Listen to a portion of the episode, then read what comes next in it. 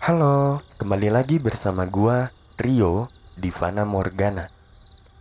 Cerita kali ini adalah cerita lanjutan dari Bunga ketika ia sudah pindah ke Garut. Jangan lupa dengarkan dulu di part satunya ya. Oke, biar cepat tanpa basa-basi lagi, langsung saja kita simak ceritanya. Akhirnya, kami sekeluarga setuju untuk pindah dari Bandung ke Garut. Di Garut, ternyata kami tinggal di sebuah kecamatan yang terletak di daerah selatan. Kira-kira butuh waktu kurang lebih dua jam untuk ke Garut kota.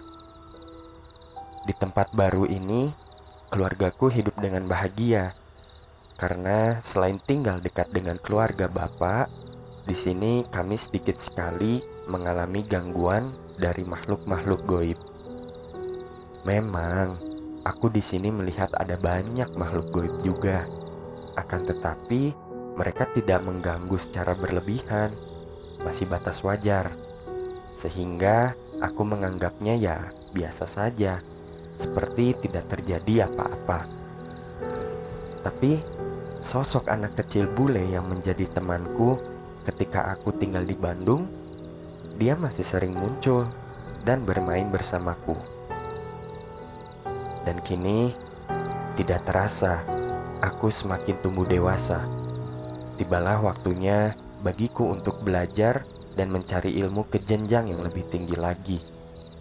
Iya, saat itu aku diterima menjadi mahasiswi di salah satu kampus yang ada di Garut. Dikarenakan jarak rumahku ke kampus sangat jauh dan tidak memungkinkan untukku pulang pergi, tentu saja aku memilih untuk menyewa kos pada saat itu. Oh iya, sebetulnya perkuliahan akan dimulai pada bulan September.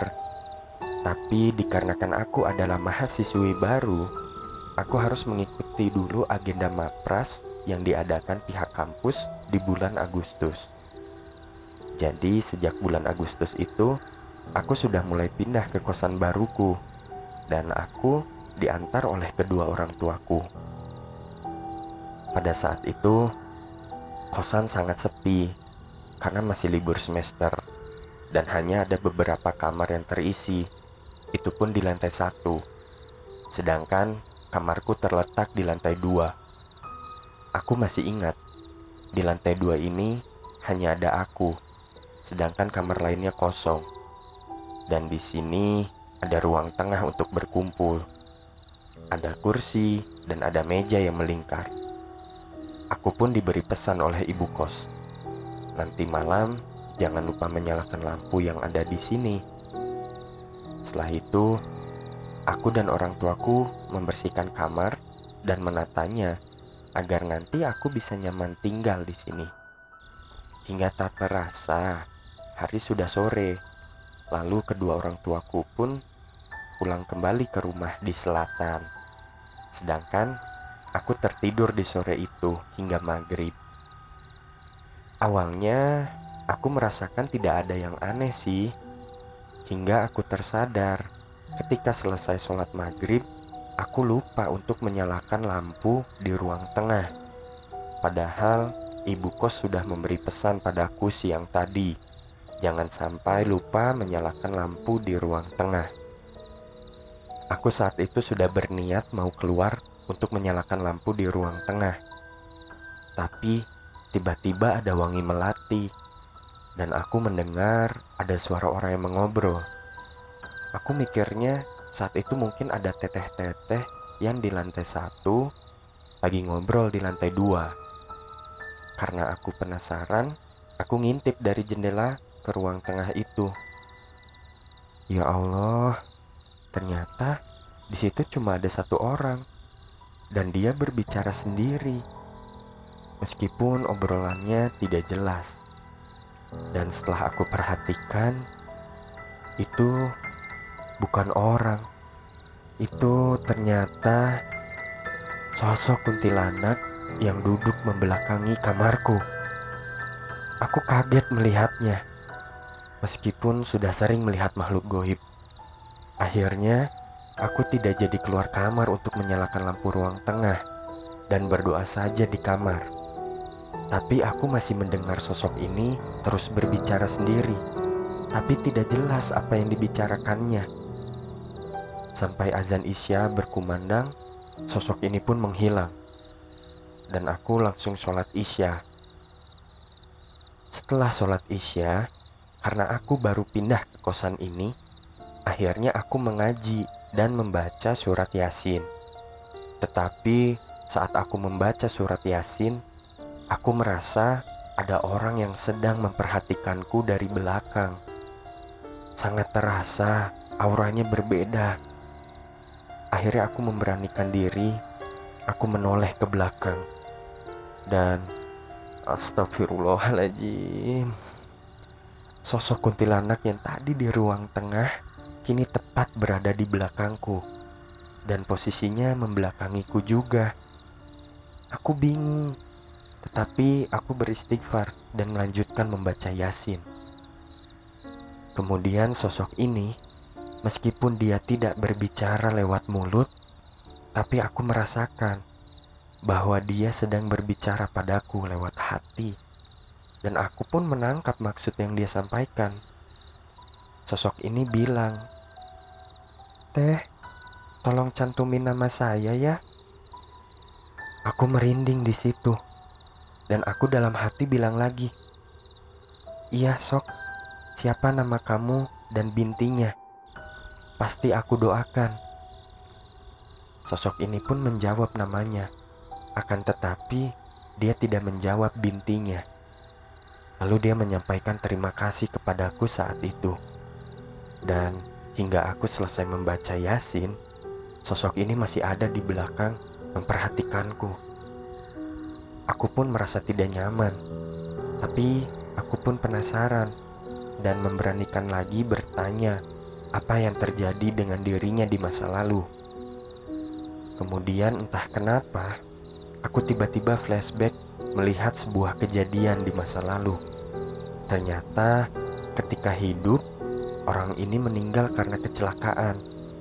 Lalu, jin inilah yang menyerupai dirinya sekarang. Setelah aku melihat kejadian itu, sosok ini pun menghilang. Dan aku sering kali melihatnya berada di sebuah pohon di dekat kosanku. Jadi di hari pertama itu, aku langsung mendapatkan kontak dari penghuni yang ada di dekat kosan itu. Untung saja dia tidak memperlihatkan wajah yang menyeramkan kepadaku. Beberapa bulan kemudian, di kampus, ketika aku sedang belajar di kelas, aku melihat ada sosok perempuan berbaju merah yang berdiri di belakang dosenku, dan aku sangat gelisah karena sosok yang ini memiliki gerak-gerik yang tidak baik. Dia ingin mengganggu, hingga pada akhirnya Dosenku ini menyadari bahwa aku tampak gelisah. Dia bertanya padaku, "Kenapa bunga? Kok kayak gelisah gitu?" "Udah, jangan khawatir. Saya juga tahu kok dia mau gangguin saya." Sontak aku pun kaget karena dosenku itu ternyata juga bisa melihat sosok ini. Dan saat itu, teman-teman di kelasku lebih kaget lagi. Mereka kebingungan sebenarnya apa yang sedang diobrolkan. Dari situlah teman-temanku mengetahui jika aku bisa melihat dan merasakan keberadaan makhluk-makhluk itu. Hingga di suatu sore sepulang ngampus, salah satu teman dekatku mampir ke kosan dan ia menantang ingin membuktikan apakah benar makhluk itu ada. Saat itu dia bilang padaku, Beb, pengenlah ngeliat yang kayak gitu, tapi harus diliatinnya dalam bentuk yang baik.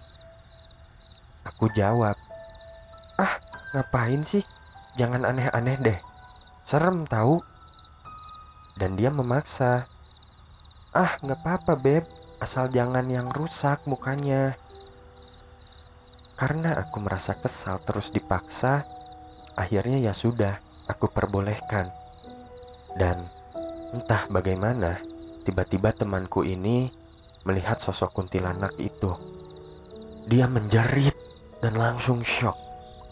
Pucat sekali wajahnya. Sambil terisak, dia merasa menyesal dengan apa yang dilakukannya. Dia langsung menelpon pacarnya dan meminta dijemput. Aku hanya bisa menenangkan dia pada saat itu sampai dia pulang dijemput oleh pacarnya. Kemudian besok harinya dia tidak masuk kuliah dan aku mendapat kabar bahwa dia sakit dan sedang dirawat. Aku pun merasa bersalah karena aku malah mengizinkannya untuk bertemu dengan makhluk itu. Padahal aku sendiri tidak begitu yakin bagaimana cara dia bisa melihat sosok itu. Kemudian, dua hari setelah dia sakit, aku pun pergi ke rumah sakit untuk menjenguknya. Di rumah sakit, dia berbicara kembali tentang sosok yang dia lihat di kamar kosanku. Dia bilang dia melihat sosok itu berhadapan dengan wajahnya dan sangat menyeramkan. Wajahnya penuh dengan luka dan darah. Iya, dia melihat sosok ketika orang yang mengalami kecelakaan dan meninggal dengan wujud yang menyeramkan. Dan terus terbayang sampai di malam harinya.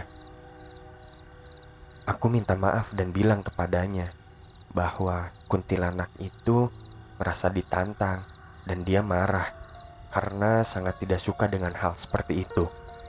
Makanya dia memperlihatkan kemarahannya dengan wujud yang seperti itu, wujud yang sangat menyeramkan. Dan sejak kejadian itu, dia mempercayai bahwa makhluk itu memang ada dan nyata. Setelah cukup lama dari kejadian itu, aku kini memiliki pacar yang sekarang sudah menjadi suamiku. Suatu hari di kosan, aku bertengkar dengannya, dan dia pergi dengan penuh emosi yang memuncak saat itu dan aku jelas sangat sedih dan terus menangis sejak sore hingga malam hari. Sampai aku tertidur dengan HP yang ada di genggaman tanganku. Ketika sudah tengah malam, mungkin sekitar jam 1, aku terbangun karena aku merasa ada seseorang di belakangku. Sangat terasa dekat. Dan tiba-tiba seseorang itu memelukku dari belakang. Aku kaget karena tidak ada teman yang tidur bersamaku. Lalu sosok ini mengelus rambutku. Aku tahu ini pasti bukan manusia. Aku pun melihatnya dari pantulan HP yang ada di tanganku. Ternyata benar saja, ada sosok nenek-nenek di belakangku. Aku tidak tahu dia siapa, dan baru kali ini aku melihatnya. Dia bilang padaku, "Yang sabar ya, Neng. Neng hatinya tulus, jangan sedih." Aku kaget dan beristighfar. Kemudian sosok itu pun menghilang entah ke mana. Tetapi aku tertidur lagi saat itu dengan perasaan yang lebih tenang.